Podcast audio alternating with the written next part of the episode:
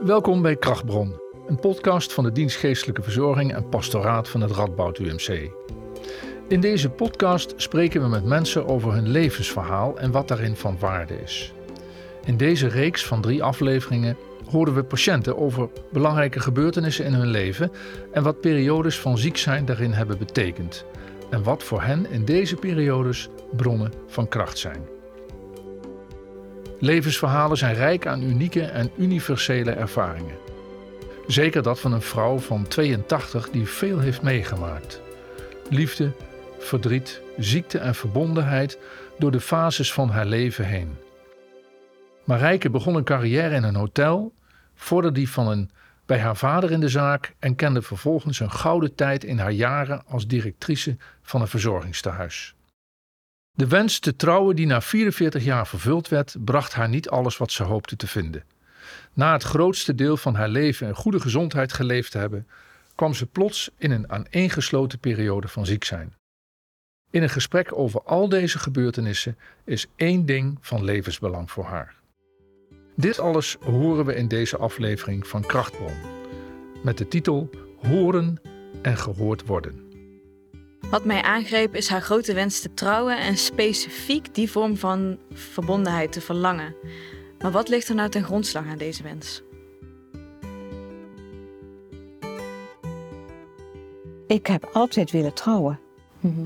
En ik vind dat een mens alleen niet af is. Nee? Nee. Nee, dat vind ik heel duidelijk. Mhm. En dat vond ik dus al 44 jaar. Ja, ja, ja. Mhm. En waar Ja. zit hem dat in voor jou, dat een mens alleen niet af is? Eh, oh, dat is een moeilijke vraag.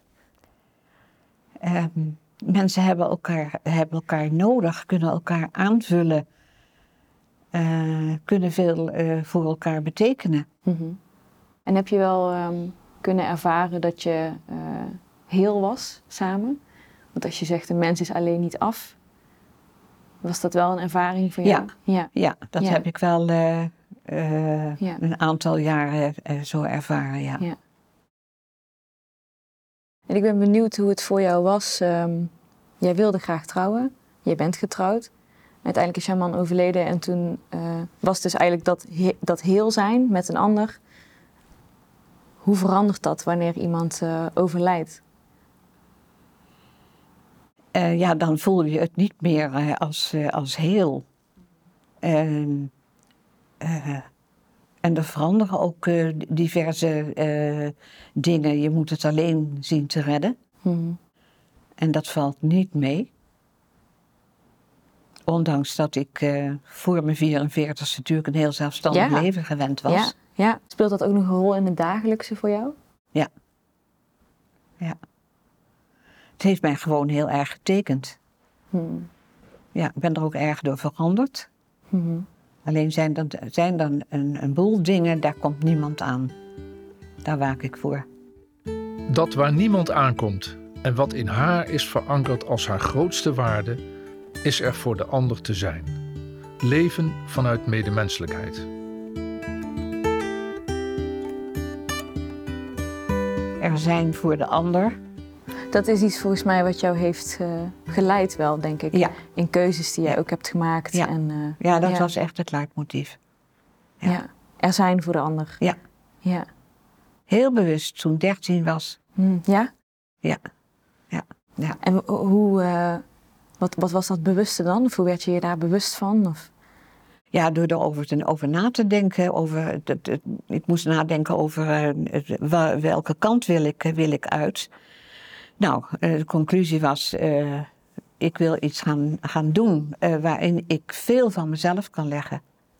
En hoe ervaar jij dat nu, op dit moment in je leven? Ja, ik mis nu ehm, eh, het contact met, met mensen. Ik ben zeker niet gestopt na mijn, ehm, toen ik trouwde. Toen ben ik ook bij de diaconie van een kerk gegaan, van de parochie waar wij toen onder vielen. En dat vond ik dus heel erg fijn. En Mhm. met wij, wij zochten mensen op in het ziekenhuis en thuis. En telefoongesprekken en goede doelen, acties organiseren. Hm. Heerlijk. Ja. Wat haalde je daaruit? eh, weer de, de, eh, dat je dus veel van jezelf erin kon leggen. En eh, in het contact met anderen. Mhm. eh, dat gaf weer eh, voldoening. Daar, daar kon ik weer, weer op verder. Ja. Ik heb het gewoon nodig. Ja. Een soort Maar- van, van levenselixer of zo. of- Ja, ja. ja. ja. Maar ehm, ja, helaas, mijn gezondheid die, die, die hield me een gegeven ogenblik tegen. Het werd me te veel. Mhm. Ja. Mhm. En wat ik heel moeilijk vond, dat zeg ik gewoon erbij, heel open. gegeven ogenblik ging ik me realiseren van eigenlijk is, vind ik het helemaal niet leuk dat mensen nooit eens vragen hoe maakt, het, hoe maakt u het. Ja. Het was altijd u en zo, hè? Mhm. Nooit. Nee. En dat ging mij echt storen. Mhm. En toen dacht ik, nou, nou moet ik op gaan passen. Ja. Maar dat is niet de reden geweest om ermee te stoppen hoor. Het heeft wel meegespeeld, maar Ja. Ja. En Maar ik mis het. Ik mis het echt. Heeft, is het ook verbonden met, ehm, eh, met jouw geloof? Dat er willen zijn voor anderen? Want eh, Ja. in hele concrete vorm zet je je in dus binnen verschillende diaconieën. En, maar het is, daar, het is daarmee verbonden? Ja. En op wat voor manier? Eh, ja, dat, dat, dat, dat is het eh, christelijk eh, zijn en willen, willen zijn. Mensen zien eh, in, in alle toonaarden. blij en somber en hulp nodig hebben. Mhm.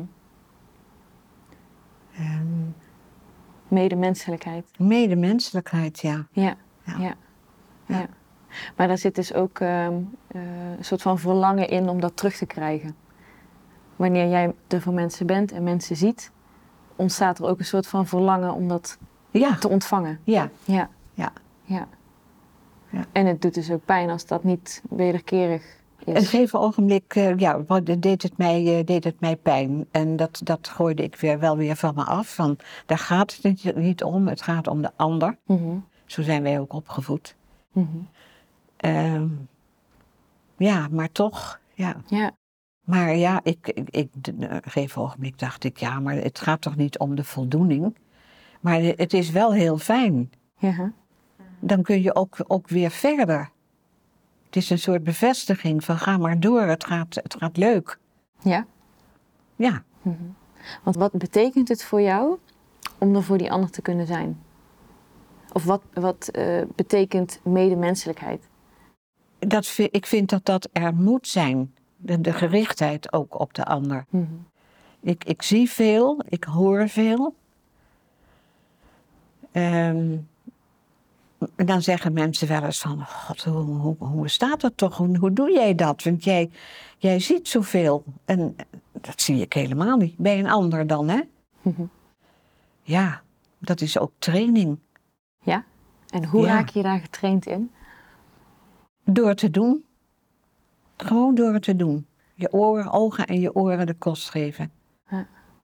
Want, want als het er niet is, als jij niet jezelf op die manier kan inzetten voor een ander, wat gebeurt er dan met jou? Eh, ja, dan, eh, dan mis ik dat heel erg en dan, dan maak ik het ook niet goed. Dan ben ik natuurlijk ook veel teruggeworpen op mezelf. Mhm.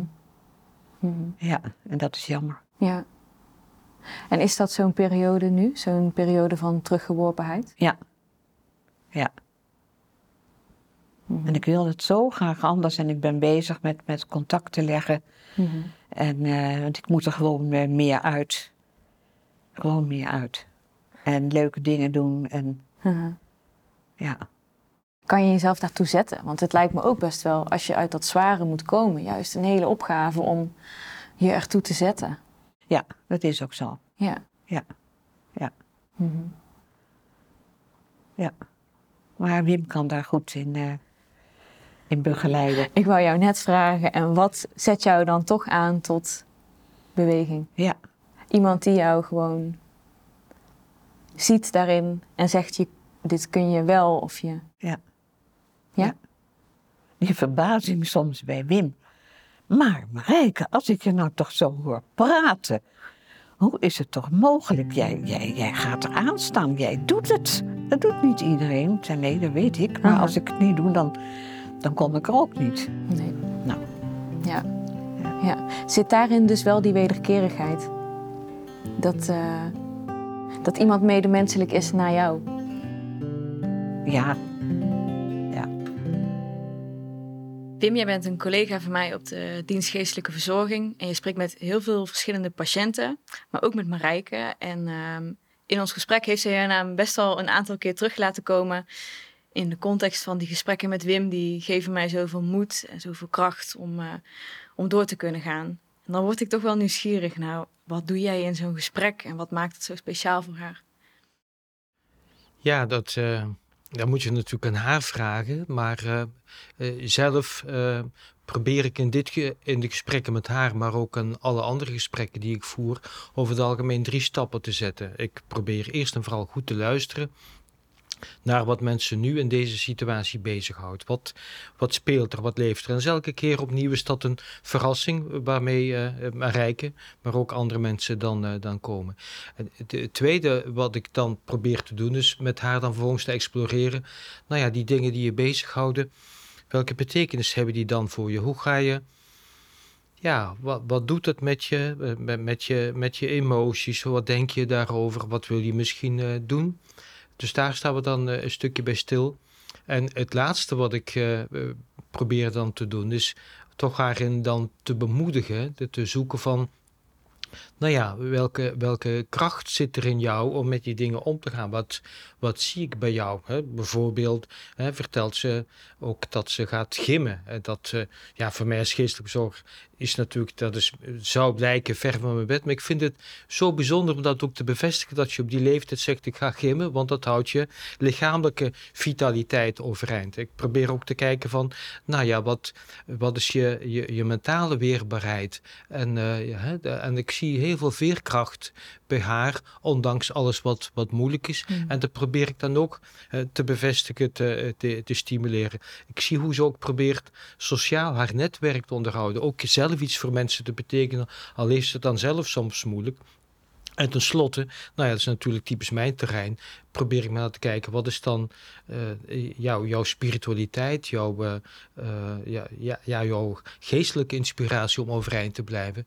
We bidden ook met elkaar, we spreken over die dingen. Mm. En nou, ik denk dat dat, die beweging, die stappen elke keer in een uur, ja, bijzonder is. Het is ook voor mij bijzonder. Mm, ja, ik denk nu in één keer... Um aan het einde van ons interview uh, heeft zij nog iets genoemd van... Uh, ik ben zo bezig met die dood en hoe dat zal zijn... en ik wil me daar goed op voorbereiden. Dan moet ik het toch nog eens een keer met Wim over hebben. Dat zijn denk ik gesprekken die jij ook vaker voert, hè? Ja. Einde leven gesprekken of die mm daar naartoe gaan. Doe je daar dan nog iets anders in? Of zijn dat voor jou echt dezelfde stappen? Of heb je dan een ander onderzoek wat je voert dan? Nou, dan probeer ik vooral te kijken wat uh, toch ook weer van uh, wat houdt je dan daarin bezig in de zin van welke emoties, welke uh, uh, gedachten heb je daaromtrent? Vaak is het zo dat mensen bang zijn, onzeker over de dood. Dan vraag ik, waar ben je dan precies bang voor? En mhm. dan exploreer ik dat even. Maar vervolgens ga ik dan ook een beetje chronologisch de tijd doornemen van, nou, wat is er nu? Ben je dan bezig over het moment naar het sterven toe? En wat daarna? En dan probeer ik een beetje rond al die dingen te kijken. Is daar nog iets wat moet gebeuren, waar we samen naar kunnen kijken? Uh, Soms ook iets van een ritueel wat mensen willen. Uh, wil je nog iets met mensen om je heen doen?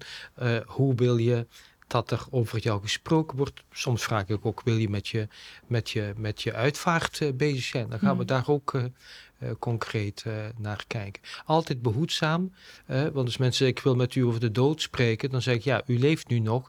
Dus, en ik vind het fijn dat u nog leeft en ik hoop dat we dit gesprek voeren voor een moment Hm. Dat we hopelijk nog een tijdje kunnen uitstellen.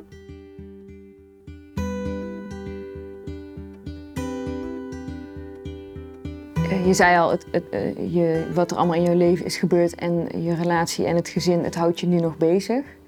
Uh, maar je bent er ook een beetje weer los van geraakt. Ja. Ja, bij jezelf weer teruggekomen. Want je zegt, uh, sommige dingen in mij, die, daar komt niemand aan. Mm -hmm. Die bewaak ik.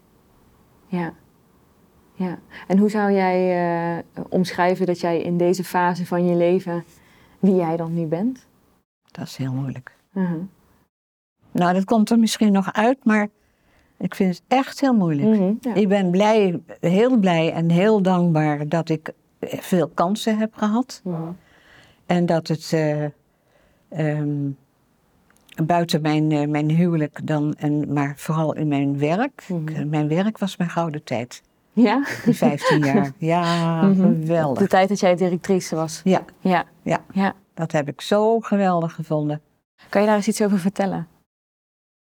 Ehm, ja, ik was eh, erg op de mensen gericht. Ik heb bij- bij mijn sollicitatie aan het bestuur, eh, dan moet je bij het bestuur komen, eh, aan het bestuur gevraagd wat verwacht u van een directrice. Dan moet u bedenken dat dat in 1969 was, Mhm. heel lang geleden. En het antwoord was dat ze op de eerste plaats gastvrouw is. Mhm. En nu is het een en al manager, hè? Ja. En heel weinig contact met de, met de mensen zelf. Nou, ik had heel veel contact met de mensen. Mhm. En eh, ik ging met verjaardagen, eh, ging ik even feliciteren bij Mhm. ze.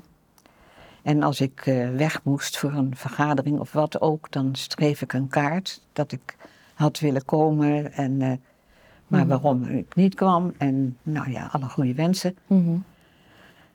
En eh, ja, ik ging regelmatig bij de mensen eh, op bezoek, voor zover dat dan mogelijk was. Want er waren wel 122 eh, bewoners. Je zegt het was mijn gouden tijd. Ja, Ja. En wat Ja. maakte die tijd eh, de gouden nou, tijd? ik heb altijd, toen het om beroepskeuze ging, altijd gedacht, ik wil iets waarin ik veel van mezelf kan leggen. Mhm. Ik zag altijd de sociale kant. Mhm. Oh, en dit is natuurlijk heel sociaal, hè? Toen, Ja. Tenminste in die tijd. Mhm. Ja. Ja. Ja. En het, het gaf mij, daarom was het ook een gouden tijd, omdat het mij heel veel voldoening gaf. Ja. Die, die menselijke kant Ja. zo eh, naar boven brengen. Ja, Ja. ja. Meeleven met de mensen. En, Ja. Ja. En hoe kijk jij er tegenaan dat dat nu eh, veranderd is naar managen, zeg jij vooral, hè?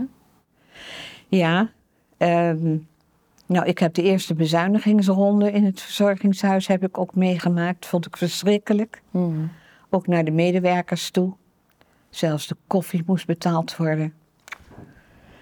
Heel erg, daar heb ik echt heel erg onder geleden. En na de hand zijn die bezuinigingen nog veel verder gegaan Mm. natuurlijk. Maar Mhm. toen was het al erg. Mhm. Maar sorry, wacht, wat was vraag? Ik, eh, ik, ik vroeg me af hoe jij dan kijkt naar die verandering. Dat het eerst zo op de mens gericht was. En jij zegt daarna is die managingtaak veel, veel meer eh, op de voorgrond gekomen. Ja. Ja. Ja. Nou, nog een voorbeeld. Ehm, ik stond in de grote koffiezaal te praten met het hoofdhuishouding. En eh, toen kwam er een bewoner op een brancard naar beneden. Nou, en eh, die werd door die broeders eh, weggebracht naar die auto en er gebeurde verder niks. Mhm. En toen zei ik tegen het hoofdhuishouding, ik zeg, gaat niemand daar naartoe? Nee, zei ze, dat is de taak van de afdeling. En wij, wij stoven gewoon, als we dat zagen, we stoven er naartoe. Hè, even succes wensen en Mhm. sterkte en van Mhm. alles en nog wat. Ik vond het verschrikkelijk. Mhm. Dat was zo mijn stijl niet. Nee, zieke mensen, daar ging ik naartoe, ook in het ziekenhuis. Ja? Ja. Ja. Ja, ja hoor, zeker weten. Ja. Nou ja, dat zijn maar kleine voorbeelden, Ja. maar Ja, ik hoor daarin hoe, eh, hoe jij op de mens begaan bent. ja, Ja, ja, dat is heel mooi. En ik heb een huwelijk meegemaakt onder bewoners. Ja? Heel erg leuk. Ja, geweldig. Twee oude mensen die elkaar nog vinden. God, het is toch fantastisch. Ja, Mhm. echt heel fijn. Ja. De ervaring van jouw werk was misschien wel die 15 jaar terug, een terugblik daarop. De gouden tijd, zeg je. Zijn er zo nog andere gebeurtenissen in jouw leven die heel betekenisvol zijn geweest voor jou? Ehm, ja, ehm, dat verwacht je misschien niet. Mijn gezondheid. Een arts zei hier in het ziekenhuis, ehm, de, de oncoloog, eh, die zei eh, tot je drie, nee, vanaf je 73ste kan er van alles gebeuren. Mhm. En prompt was het zo. Echt waar. Ja, eh, en dat volgde elkaar heel snel op. Mhm. En ik ben altijd redelijk gezond geweest. Gewoon de normale dingen gehad. Van amandelen knippen en zoiets. Mhm, Ja. Maar ehm, niet de ernstige dingen. Het begon met een, eh, met een polsbreuk. Toen kwam ehm, eh, borstkanker. Eh, toen kwam schouder. Ik heb een schouderprothese. Mhm. Ehm, ben twee keer trouwens geopereerd eh, aan borstkanker. Eh, omdat we de patholoog Antoom, die had niet aarzelde of alles wel weggehaald was. Dus Mhm. toen moest dat dan voor de zekerheid weer even opnieuw. Mhm. Eh, dat vond ik ook heel ingrijpend. En ehm, nou, dat was het geloof ik wel. Ja, maar dan zijn we ook van, top tot teen zijn we ook wel gegaan. eh. Ja, Ja. ja. Dus ik vind het niet zo prettig klinken, maar dat komt bij me op, denk ik. Oh jee. Ja. Ja. En dat vangt Wim eigenlijk heel erg goed op. Mhm. ja. Daar kun je over praten. En eh, er zijn zo weinig mensen die kunnen luisteren. En dat ervaar jij eh, bij Wim? Ja. ja. Ja. En wat is dat dan? Waarin voel jij hij luistert naar mij? Aan zijn houding, letterlijk zijn houding, hoe hij in de stoel zit. Eh, hij, hij, hij is er voor je en, en eh, voor niemand anders op dat moment. En hij leeft, eh, hij leeft mee en, en, en, en geeft dan ineens een, een hele goede reactie. Mhm. Van, nou doe maar wat, Marijke. Ik bewonder jou hoor. Jij, jij gaat toch door, hè? Mhm. Ik hoor, als ik jou hoor, hoor praten. Nou, dat doet niet iedereen of zoiets, hè? Mhm. Nou, dat pept enorm op. Mhm. En dan denk ik, god, er is iemand die dat ziet. Ja. Iemand die jou daarin ziet. Ja. ja. Ja. Ja. En dat is bijzonder, zie ik ook aan je. Ja, dat, is, dat vind ik heel bijzonder. Ja. Ja. Ja. Ja. Dus het is eh, een- een bron van kracht eigenlijk, wanneer iemand zo naar jou luistert en, jou, een bron- dat is een mooie uitdrukking. en jou zo erkent. Ja. Ja. Wim, we hebben net weer een stukje interview geluisterd. Eh, jij spreekt natuurlijk heel veel mensen en ehm, dat doe je ten dienste van die ander. Maar dat moet veel met jou ook doen. Eh, en je hoort ontzettend veel verhaal, eh, veel emoties. Hoe is het voor jou om zo naar iemand te luisteren? Ja, als ik eh, merk dat dat, eh, dat dat proces tussen in die ontmoeting goed verloopt, eh, dat, eh, dat doet mij deugd. Dat sluit aan bij mijn, eh, ja, bij mijn verlangen om, om bij te dragen tot, ja, dat is dan heel groot gezegd, tot een wereld waarin mensen tot hun recht komen, waarin mensen erkend worden, waarin ze mogen zijn, wie ze zijn. En, en vaak hebben mensen toch hun omgeving. daar problemen mee gehad, dat ze zich niet goed eh, gehoord voelen. En dat, eh, eh, ja, dat maakt mijn, mijn dag en mijn, eh, mijn werk als geestelijk verzorger goed. Dat heeft te maken met mijn eigen in, inspiratie. Ik ben, kom zelf eh, kom uit eh, een, een, een christelijk gezin in, eh, in, in België. Nou, dat sluit daarbij aan van, hè, bij die droom om bij te dragen aan zo'n samenleving. Maar sinds ik in Nederland woon, heb ik ook gemerkt dat dat, dat ook leeft bij andere levensbeschouwingen. Ik zie het bij het Jodom, bij de islam, bij het humanisme, ook bij het boeddhisme terugkeren. En steeds opnieuw zoeken van, nou ja, hoe kan je met elkaar bouwen aan, eh, aan, aan een wereld van verdraagzaamheid, waarin mensen eh, erkend worden. En dat doet mij heel goed, omdat ik zelf dan ook, eh, nou ja, bevestigd word in datgene wat ik zelf heb ontvangen in, in mijn leven. En waar ik dan ook gevo- gevoeld heb van hoe, hoe sterk dat het voor mij was. Het, het, het stimuleert me ook in, in de weg die ik gegaan ben, die ik gekozen heb om eh, bijvoorbeeld uit België weg te gaan, om in Nederland te komen werken, waar ik, eh, waar ik dat soort werk op mijn eigen manier kon doen. En het, eh, nou, het sterkt me ook in mijn verbondenheid met, met de andere eh, professionals die op dezelfde wijze zo met mensen in zorg en welzijn bezig zijn. Hmm. En voor jijzelf, als jij zo'n gesprek uitkomt, zijn er dan dingen die je tegen jezelf zegt of nog waar je op terugdenkt? Of... Ja, ja de, de, uitspraken de, eh, waarin mensen eh, iets weergeven van ik ben een stukje verder. Het heeft mij, het heeft mij goed gedaan.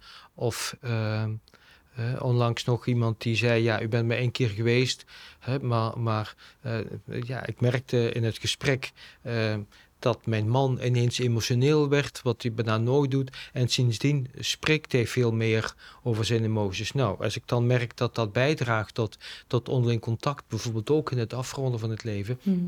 dan, eh, dan ben ik blij dat ik daar een klein stukje een, eh, eh, aan heb kunnen bijdragen.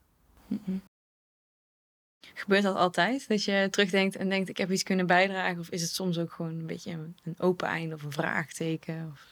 Nou, ik, eh, de- wij zijn gewend om altijd ook notities te maken van, eh, van, eh, van gesprekken, ook in ons elektronisch registratiesysteem. En dat, dat reflecteren, want dat doe je eigenlijk nadenken, Ja. helpt me ook om na te denken van, hé, hey, waar, waar, had ik, waar heb ik misschien over het hoofd gezien? Wat zou ik beter kunnen doen? Dus telkens is, dat, is die zelfreflectie, die zelfbezinning voor mij ook een uitnodiging om, ja, om het de volgende keer proberen nog beter te doen. Om mezelf als instrument in dienst van de anderen nog meer te verfijnen. Om het eventueel ook in supervisie met anderen eh, te bespreken waar ik zelf niet uit ben gekomen of waar ik het idee heb van hier ben ik tekort geschoten. En dat is, eh, dat is wel fijn om dat te kunnen delen en daarin ook eh, ja, te kunnen groeien samen met je collega's. Mm-mm. Dankjewel.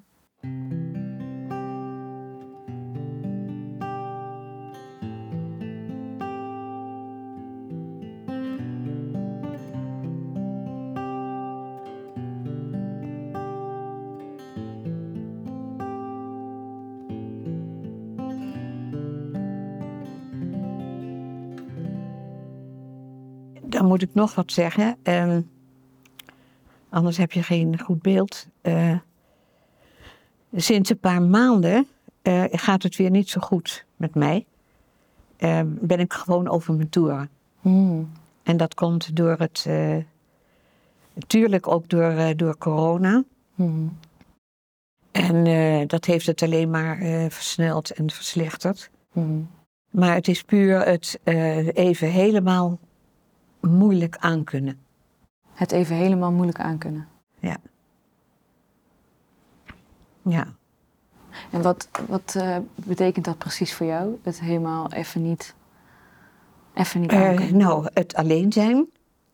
Ehm, het, het- ja, dat, bijvoorbeeld het, het thuiskomen als je iets hebt meegemaakt wat je normaal meteen kwijt kunt bij je man, Mhm. dat, dat is weg. Mhm. En hoe is dat geloof eh, van steun voor jou? Het zit hem in de mensen, zeg je, hè? in de medemenselijkheid. Zijn er nog meer aspecten van? Ja, mijn contact met God. Mhm. Dat is eh, echt wel heel fijn en ik vind het zelf ook eh, aardig bijzonder. Ja? Ja, Mhm. echt een bijzonder contact. Mhm. Hij is er gewoon. Het is, ja, en hij helpt me. Ja. En mag ik vragen hoe dat eruit ziet dan, zo'n, eh, dat contact?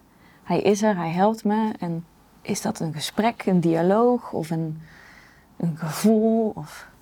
Ehm, ik praat met hem op een heel kinderlijke manier eigenlijk. Soms ook niet altijd. Mhm. Ehm, voor ik naar een belangrijk iets ga, dan bid ik ook. Dan, eh, dan praten, praat ik met hem. Mhm. En bid om, om kracht en dat het, eh, dat het goed, eh, goed uitpakt, bijvoorbeeld. Ja. En eh, dan pakt het ook goed uit. Ja? Ja. Ja. Dus je krijgt ook die bevestiging in Ja. dat je wordt bijgestaan. Ja. Ja, lijkt me echt een heel krachtig iets. Ja, en het is ook zo duidelijk. Ja? En dan ga ik natuurlijk daarna uitbundig bedanken. Ja. Want dat is het minste wat je kunt doen. Ja. ja. Ja. ja. Ja, Janiek, een mooi gesprek, ook met Marijke. Ehm, ja, ik heb het ook geluisterd, het interview. Ja, het verschil kan bijna niet groter, het contrast moet ik zeggen, kan bijna niet groter zijn. Hè? Jij dus ja, aan, aan het begin van je leven, zo mag ik het rustig zeggen in dit gesprek, met een vrouw die al in de tachtig is, de Ja. balans opmaakt van haar leven. En een, ook een met veel broosheid en kwetsbaarheid omgeven en tegenslagen. Jij houdt zo'n gesprek met haar. Nou ja, ik ben begonnen met haar perspectief op de dood. Mhm. Eh, wat neem jij hier zelf uit mee uit dit, uit dit gesprek? Ik denk dan, oh, als ik 82 ben, dan hoop ik dat ik een paar van die momenten heb, zoals Marijke. Toen ze begon te vertellen over haar werk bijvoorbeeld, of eh, wat een huwelijk betekent, dat ik daar dan zo ontzettend uh, vervuld van kan praten. Want dat deed zij. Haar ogen lichten helemaal op als ze over die gouden tijd en al die anekdotes die daarop volgden, van uh, al die kleine akkefietjes in zo'n verzorgingstehuis, maar ook van die kernwaarden die dan zitten in zo'n huwelijk. Ik denk, oké, dus dan hoop ik dat ik mijn leven zo kan leven dat ik dan later, als ik daarop terugkijk, als, dat ik, als ik die kans al krijg, hè, uh, dat ik dan ook van die momenten heb. Want dat lijkt me dan heel erg uh, je sterke in zo'n laatste fase. Ik heb periodes in mijn leven gehad of gebeurtenissen en die, die hebben er zo toe gedaan. En daar kijk ik uh, tevreden op terug of trots op terug. Of, dat zijn allemaal heel krachtige gevoelens, denk ik. Ja, dat jij dus ja. later. Uh, dat jij dus later ook van die ankers in je leven hebt. Ja, Als je, zo, je ver, zo ver bent als zij, dat je zegt van... hé, hey, ik kan nu ook terugkijken en ik heb echt ankers in mijn leven ontdekt... Waarvan, die mij steun geven en die mij moed geven. Ja, ik kan er wel met bewondering naar luisteren. En dan denk ik, wow, je hebt die dingen gedaan. Jij hebt je leven zo mooi geleefd. Hm. Ja. Ja, dat vind ik uh, ja, bewonderingswaardig en ik hoop dat ik dat dan ook heb. Ergens legt dat er ook wel een beetje druk op hoor. Van oeh, maar dan moet ik wel zorgen dat ik die dingen heb. Uh, dat hoop je dan natuurlijk los te kunnen laten. Ja, ja, ja, in, het, in het leven dat je leeft. Maar uh, ja. Dat, vond, je, ja. vond je het niet moeilijk, het perspectief wat zij inneemt en het perspectief wat jij nu hebt, terugkijken versus, ja, je, je moet je in kunnen leven in dit gesprek. Je moet je ja, je moet haar toch een beetje goed, goed naar haar luisteren. En toch is het een heel ander perspectief wat jij zelf hebt en wat zij inneemt. Ja. Vond, vond, je dat lastig? Nee. Ik, heb, um, ik ben omgeven in mijn, vanaf toen ik heel klein was, al door oudere mensen. Ik ben opgegroeid met mijn opa en oma. Echt zo, zo'n uh, intergenerationeel gezin. Ja. Um, ik ben dat heel erg gewend met mensen op leeftijd spreken en... Uh, uh, ik vind dat heel fijn. Ik vind het echt heel fijn ook met oudere mensen omgeven te zijn. Okay. En zij zijn al best wel een tijdje uh, overleden. Uh, dat is het nadeel van met je opa en oma. Die zijn dan ook al wat ouder, Ja. opgroeien. Maar ik, ik merk dat ik die ontmoetingen altijd heel fijn vind. Om oudere, oudere mensen in mijn leven te hebben. Ja, En dat zit dus ook in zo'n gesprek met iemand. Ja, dus dat, daar zit een bepaalde natuurlijke manier al. Ja, ik voel er helemaal van niet zo'n afstand. Helemaal, dat voelde je helemaal niet. Dus, dus Ja. mijn, mijn vooraanname, eigenlijk aan het begin van ons kleine gesprekje, die berust dus eigenlijk letterlijk op een vooraanname. Want jij zegt, ik heb het juist helemaal niet, dat gevoel. Ik ben me wel bewust natuurlijk van Ja. de afstand in levensfase. Daar ben ik me bewust van. En ik ben me ook bewust van dat zij misschien zo naar mij kijkt. Ach, jij komt, dat zeggen mensen ook vaak. Ach, jij komt net kijken. En, Ja. maar eh, eh, dat vind ik zelf altijd een beetje eh, jammer. Want ik denk, ik voel daar zelf niet, niet zo. Nee. Ik zie wel degelijk een verschil en daar wil ik ook met respect mee omgaan. Maar eh, ik ben eigenlijk heel blij met jouw aanwezigheid. Want ik vind het heel fijn dat wij zo'n die perspectieven naast elkaar kunnen leggen. Brengt mij heel veel. Fijn dat je hebt geluisterd. We hopen dat het je aan het denken heeft gezet en inspireert. Tot de volgende keer. Wil je meer afleveringen van deze podcast beluisteren? Abonneer je dan via jouw favoriete podcastplatform.